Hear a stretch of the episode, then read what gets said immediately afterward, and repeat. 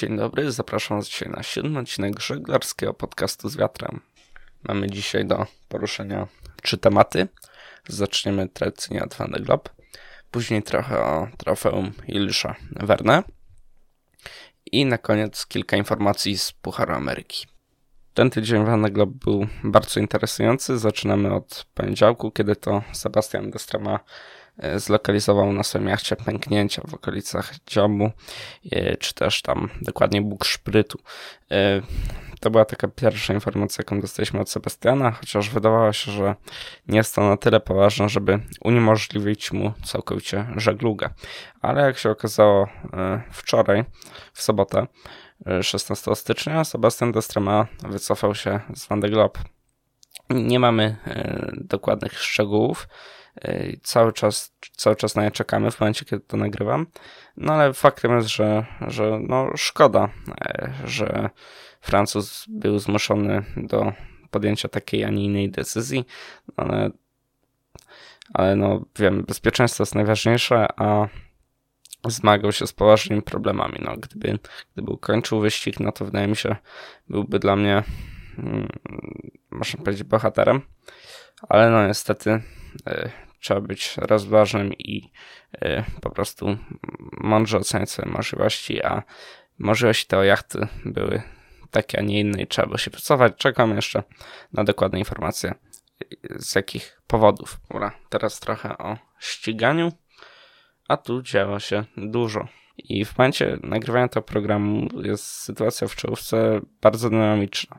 Do czołowej trójki w przeciągu tygodnia znacznie zbliżyła się cała pierwsza dziewiątka.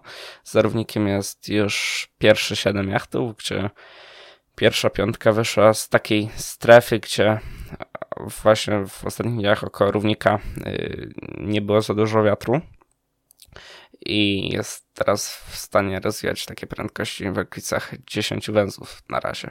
Na czele jest y, Charlie Dallin, a ze stratą około 3 mil do niego y, płynie y, Louis Barton. Za tracący do lidera 34 mile Boris Harman jest trzeci, bardzo duży progres zrobił w ciągu, w ciągu tygodnia.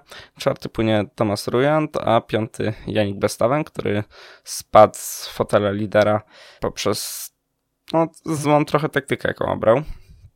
Szósty jest Damian Segui, a siódmy obecnie Giancarlo Pedote. Yy, ósmy żegluje Jean Lecam. Y, prognoza dla całej tej czołówki, bo to oni są wszyscy bardzo zbici w niewielkich odległościach od siebie na najbliższe dni jest, y, no, wydaje mi się, korzystna i zapowiada się, że mm, to będzie bardzo wyrównana walka i może mieć bardzo emocjonujące ostatnie tygodnie.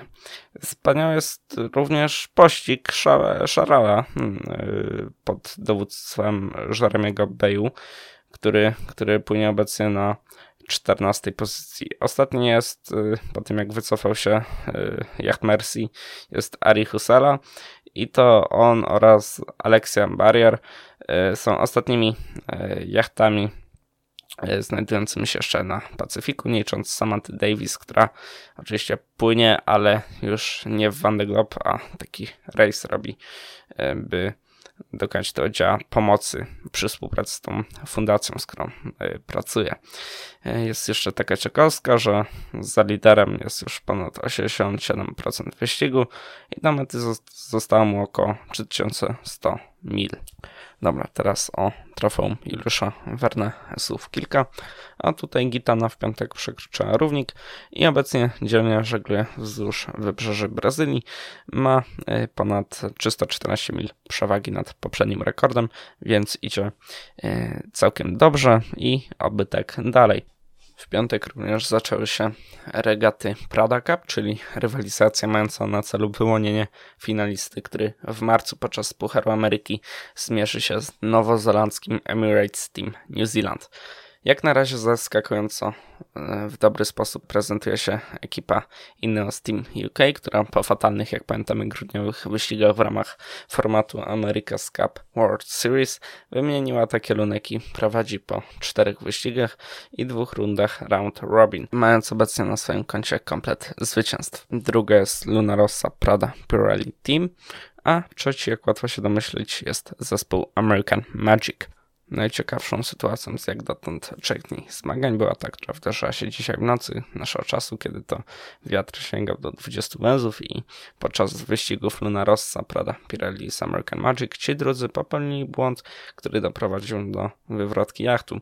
Skutki to były bardzo poważne, mianowicie amerykański jacht zaczął nagle nabierać wody i w mgnieniu oka zaczęto prowadzić operację mającą na celu podtrzymanie pływalności jednostki. Kiedy to się udało, rozpoczęto holowanie jachtu do brzegu. Obecnie wiemy, że przyczyną nagłego wdarcia się wody do jachtu była duża dziura w kadłubie w okolicy lewego hydroskrzydła. Jeśli chodzi o informacje z tygodnia, to by było na tyle. Ja Wam bardzo dziękuję. Do zobaczenia. Stopy wody pod kilem.